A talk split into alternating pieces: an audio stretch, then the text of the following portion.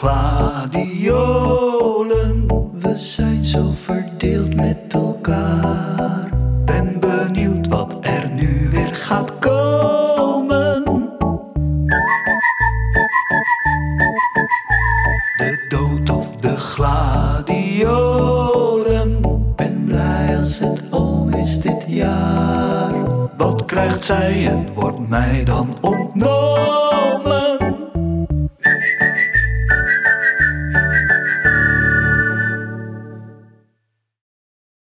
Corona kent veel verschillende symptomen. Longklachten, kortademigheid, koorts, verlies van reuk en smaak, droge hoest. Zelfs een ontstoken hartspier behoort tot de mogelijke complicaties. Een bijna geheel onbesproken symptoom, hoewel een van de meest hardnekkige, is het opzwellen van het adviesorgaan. Het adviesorgaan is een orgaan dat uitsluitend is gevonden bij Homo sapiens. Het zet alle inkomende informatie om in een soort opdringerige ontlasting in de vorm van woorden, die het lichaam via de mond of typende vingers weer verlaat, en zo de rest van de wereld er ongevraagd van voorziet. Het orgaan bevindt zich binnen de hersenen, in de temporale kwap. Temporaal omdat de geproduceerde adviezen elkaar snel kunnen opvolgen en in totale tegenstrijd kunnen zijn met eerdere adviezen afkomstig van dezelfde persoon. Een geïnfecteerd adviesorgaan is zeer besmettelijk, omdat de besmette woorden bij een ontvanger weer deel uitmaken van die informatie die de basis vormt van de ontvangers eigen woordontlasting. Zo krijgt men besmetting op besmetting op besmetting op besmetting. Dit zorgt er bijvoorbeeld voor dat iemand in een dorp als Boekel de aandrang kan voelen om iemand als de burgemeester van Amsterdam van op andermans monstrond gebaseerd advies te voorzien.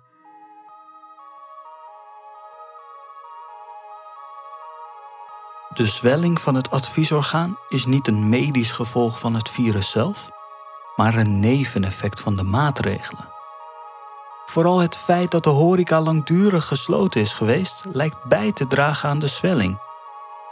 Het café is het walhalla van het verbale diarree, waar het praten van poep het hoogste goed is. De perfecte leefomgeving voor het weet je wat jij eens en het ze zouden zus een keer zo moeten doen. De plek waar men al het opgekropte advies kan laten lopen om vervolgens opgelucht en geslonken huiswaarts te gaan. Wetenschappers denken dat het lange sluiten van de horeca tot een adviesobstipatie heeft geleid. En het nu allemaal in overvloed zijn weg naar buiten vindt, ook buiten de cafés. Daarnaast is het besmettingsgevaar van geïnfecteerd advies in cafés ook vrij laag. Het lichaam heeft namelijk twee beschermingsmechanismen om de infectie te bestrijden en zo de samenleving te ontzien. De eerste is de dubbele tong. Deze zorgt ervoor dat de bevlekking van de geest van de ontvanger wordt geminimaliseerd door de verminderde verstaanbaarheid van de spreker. Het tweede beschermingsmechanisme is het aantasten van het geheugen. Hierdoor blijft het besprokene beperkt tot één avond en vindt er geen verdere besmetting plaats nadat de roes is uitgeslapen. Ze hopen dat de heropening van de horeca de zwelling spoedig doet slinken. De eerste tekenen zijn veelbelovend. En men denkt dat iedereen in het najaar weer verbaal is uitgescheten.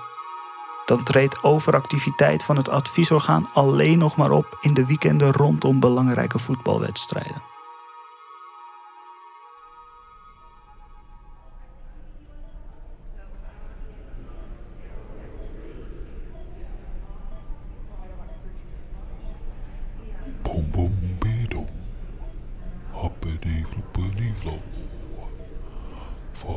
Die die die flow. Oh, Ah, meneer Van Duttersums, komt u binnen. hallo dokter. Nee, niet gaan zitten, dat doen we helaas niet meer. Oh, Dan knakt de aorta dubbel en voor u het weet zwelt uw hoofd op als een luchtballon en heeft u twee benen als grasprieten. oh nee, dat wil ik niet. Nee, dus blijft u maar gewoon even staan. Ja, dat lijkt me beter. Ik kijk even in het systeem. Oké, dokter. Ik zie hier dat u nog steeds aspirines neemt tegen de rugpijn. Ja, af en toe, ja. Ja, daar moet u onmiddellijk mee stoppen. Is levensgevaarlijk. Oh, Naast dat ze kankerverwekkend zijn, verdunnen aspirines het bloed dermate dat er eigenlijk een soort mist ontstaat. En daar krijgt u allerlei vage hartklachten van. oh nee, dat wil ik niet. Nee, tegen de rugpijn kunt u het beste drie maal per dag even een koprol doen. Verspreid over de dag. Oh. Bijvoorbeeld voor iedere maaltijd. Oh ja, ja, dat kan wel hoor. Want u eet toch nog wel gevarieerd, hè? Jawel hoor, jawel. Ja, dat dacht ik al te zien, ja. Oh, is dat niet meer goed? Nee, dat kan echt niet meer. Oh, Nee, recent onderzoek wijst uit dat gevarieerd voedsel tot een gevaarlijke gasophoping kan leiden, waardoor eigenlijk op ieder moment één van uw vitale organen kan exploderen. oh. Wat heeft u vanochtend gegeten, als ik vragen mag? Yoghurt geloof ik. Dan adviseer ik u de rest van de week ook yoghurt te eten. Oh nee. Het kan zijn dat u daar wat ongelukkig of zelfs depressief van wordt. Ja, Dus mocht u nou twee op één volgende dagen totaal geen enkele levenslust meer hebben ervaren, ja. dan kunt u voor de afwisseling best een bakje vla eten hoor. Ja hoor. Oh, dat is dan wel fijn, ja. Goed, eh, verder hoop ik dat u de medicijnen die ik u vorige week heb voorgeschreven niet heeft ingenomen. Oh, Deze blijken erg slecht te reageren op temperatuurwisselingen, waardoor het kan zijn dat wanneer u onder een te hete douche gaat staan, uw rug openspat als een worstje in de pan. oh. Met alle gevolgen van dien natuurlijk. Ja, dat wil ik niet, nee. Daarnaast adviseer ik u aankomende week zo onregelmatig mogelijk te slapen. Oké. En dan komt u volgende week gewoon even terug. Ja. Oké? Ja, oké. Ja. Oké. Ja hoor. Dag. Dag, hoor. Dag dokter. Dag meneer Van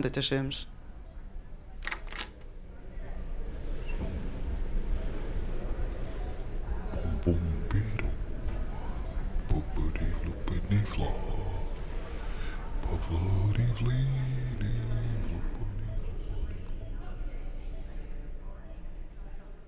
We laten ons veelvuldig adviseren.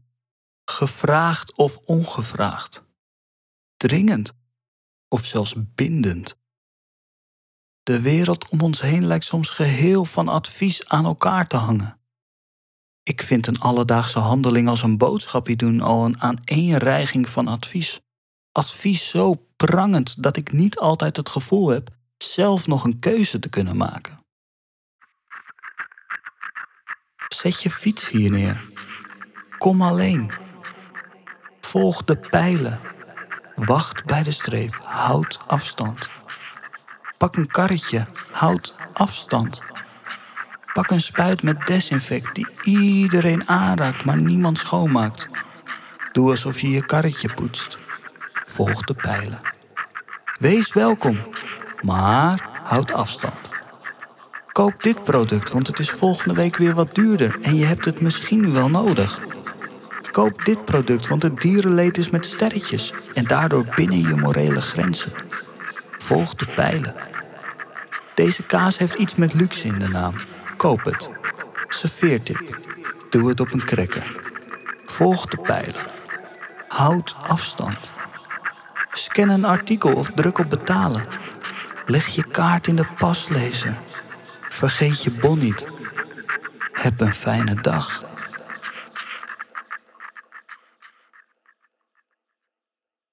Eenmaal thuis adviseert mijn televisie mij wat ik moet kijken.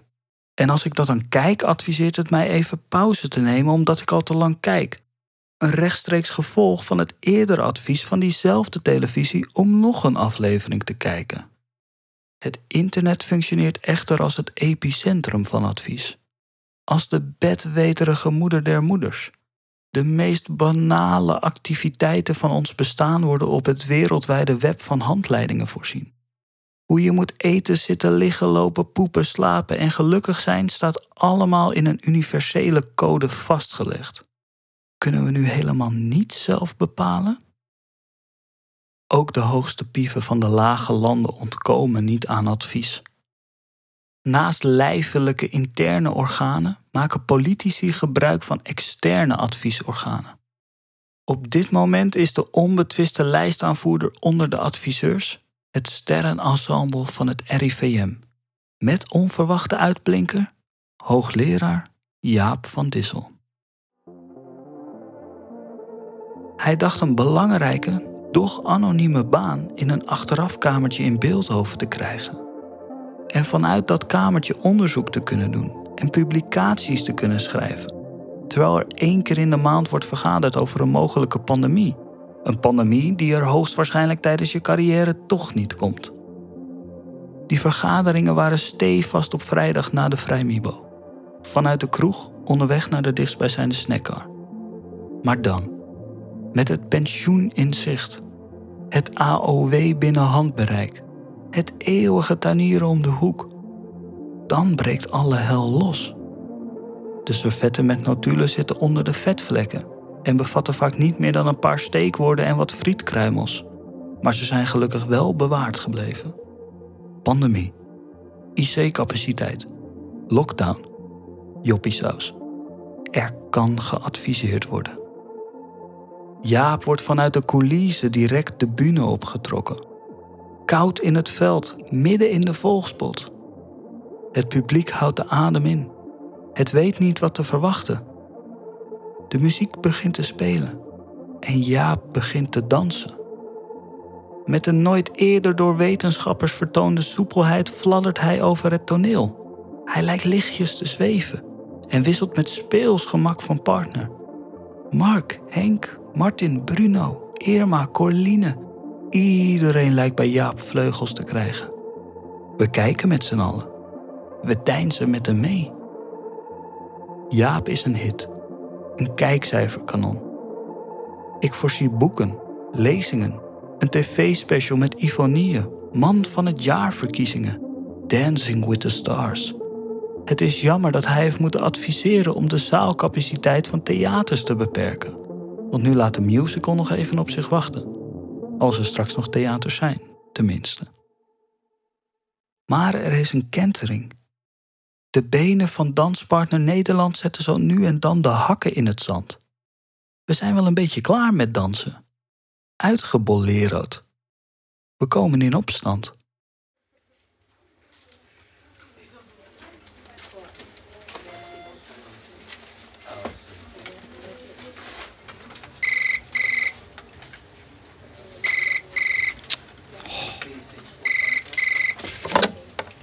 Goedemiddag, u spreekt met Ellen van de Protestplanning. Waarmee kan ik u van dienst zijn? De 24e, zei je? Uh, nee, ik ben bang dat het Malieveld dan al helemaal vol zit.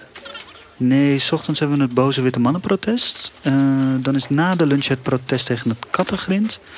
En aan het eind van de middag, zo rond een uur of vier, protesteren de ME'ers zelf, ja. Ja, dan zou u in principe nog s'avonds laat de barricade op kunnen. Maar de kans dat u het 8 uur journaal dan haalt is erg klein hoor. Hmm, eens even zien. Ik heb in dat weekend nog wel een plekje op de 23e op de Dam. Dat is dan op die zaterdag inderdaad. En dat zou dan gaan om de tijdslot 1 tot 3. Dan zit u precies tussen anti-antifa en anti-anti-antifa in, ja. Nee, zaterdag is een prima protestdag. Ja, het wordt ook hartstikke mooi weer hoor, ja. Goed, doen we dat. En wat had u in gedachten qua escalatie? Ik bedoel, neemt u uw eigen zware jongens mee? Of, uh... Nou, de jongens van ADO zitten dan in Groningen bij het protest tegen de vaatwasblokjes die je zelf uit het papiertje moet halen. Utrecht speelt geloof ik op dat moment een oefenwedstrijd in Liens. Dus ik kan voor u even de F-site bellen of even de harde kern van Cambuur optrommelen. Ja, Cambuur is wat kleinschaliger inderdaad, ja.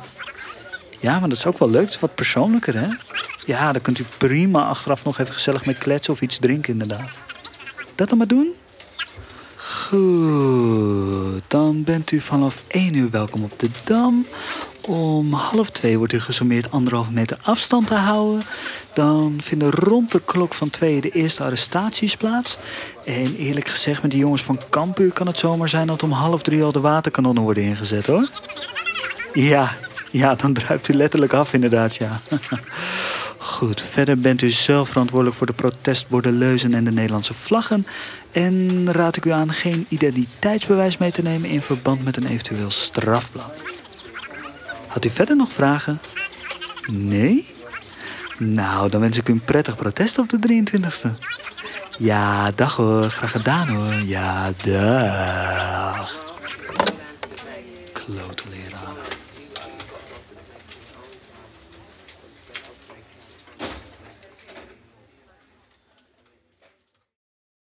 Ik loop door de stad. Op de plantage Middelaan, langs Artes. Daar hangt een poster voor een dansfestival. Never Stop Dancing staat er in vrolijk paars. Iemand heeft daar met zwarte blokletters dat maak ik zelf wel uit ondergezet. We voelen ons beperkt in onze keuzevrijheid. We worden wat wars van gebiedende wijs.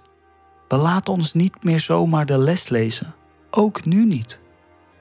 Dus gaan we op onze strepen staan, door niet meer op de aangewezen strepen te gaan staan. We druisen tegen de pijlen in, houden lekker geen afstand en bepalen potverdikke mezelf wel met hoeveel mensen we aan een tafel gaan zitten. En als het ons hoog zit, heel hoog, als het ons tot het zogeheten hier zit, dan gaan we massaal de straat op. Met z'n allen op een veld staan. Of met de tractor naar de supermarkt. Of even langs Jaap. Sommige mensen protesteren om te strijden voor gelijke rechten en kansen. Omdat ze het zat zijn dat ondanks de gemaakte afspraken over gelijkheid bepaalde huidtinten onder het kopje potentieel gevaarlijk blijken te vallen en daardoor mensen een verhoogde kans hebben om preventief aangehouden te worden. De kans dat je met diezelfde tint zo'n aanhouding overleeft, daalt dan weer aanzienlijk, evenals je kansen op de arbeidsmarkt. Maar in tegenstelling tot de kans dat de Belastingdienst op de stoep staat, omdat je een buitenpolderlijke achternaam hebt. Er is echter ook een ander soort opstand. Een soort rage voor volwassenen. Waar je neefje vorige zomer met een fidget spinner liep, loopt je oom nu op de barricade. Geheel onder het mom van vrijheid, die schijnt in het geding te zijn. Omdat wij ons laten leiden door allerlei onzin, of misschien zelfs waanzin. De wetenschap heeft het bij het verkeerde eind. Behalve de wetenschappelijke artikelen die aantonen dat de wetenschap verkeerd zit natuurlijk. Er moet volgens hen gewoon goed geventileerd worden. Dus nemen ze het voortouw door hun woede en onvrede te ventileren. Op een plein of in een park. In ieder geval ergens in de schadeloze buitenlucht, waar voor de zekerheid nog even goed gewapperd wordt met een Nederlandse vlag. Zou men niet een beter statement maken door in een kleine, maar volgens hen goed geventileerde ruimte met 100 man en 5 coronapatiënten op een kluitje te gaan staan?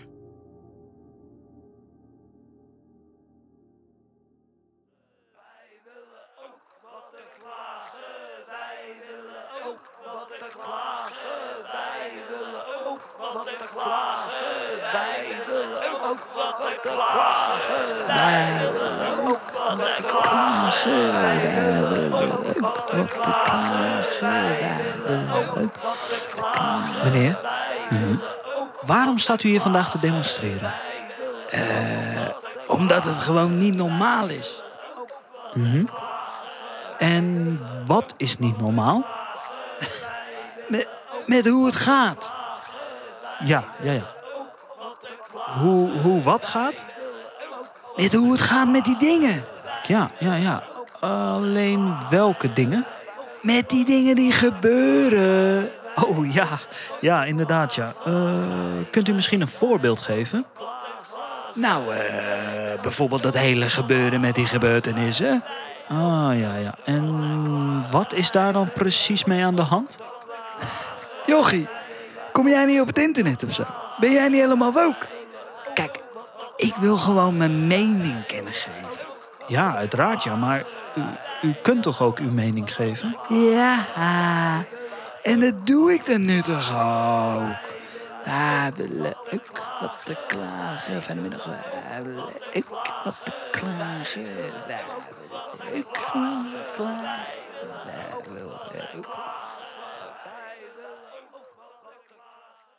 Ook Rutte heeft soms schoon genoeg van zijn adviesorgaan.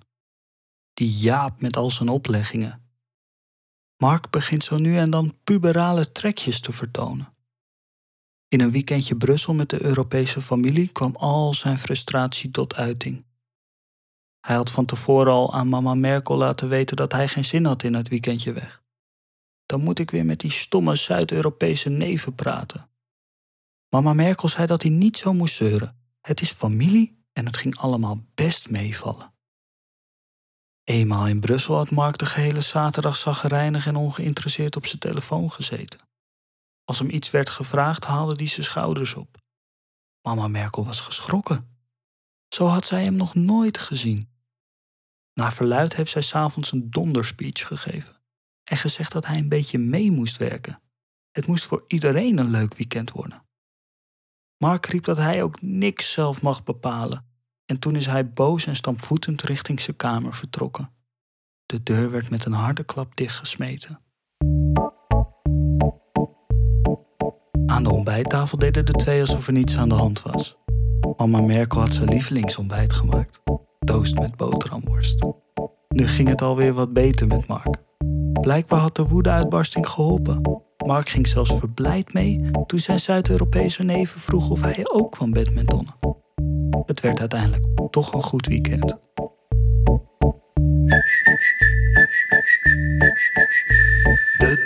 Of de gladiolen, we zijn zo verdeeld met elkaar. Ben benieuwd wat er nu weer gaat komen. De dood of de gladiolen, ben blij als het om is dit jaar. Wat krijgt zij en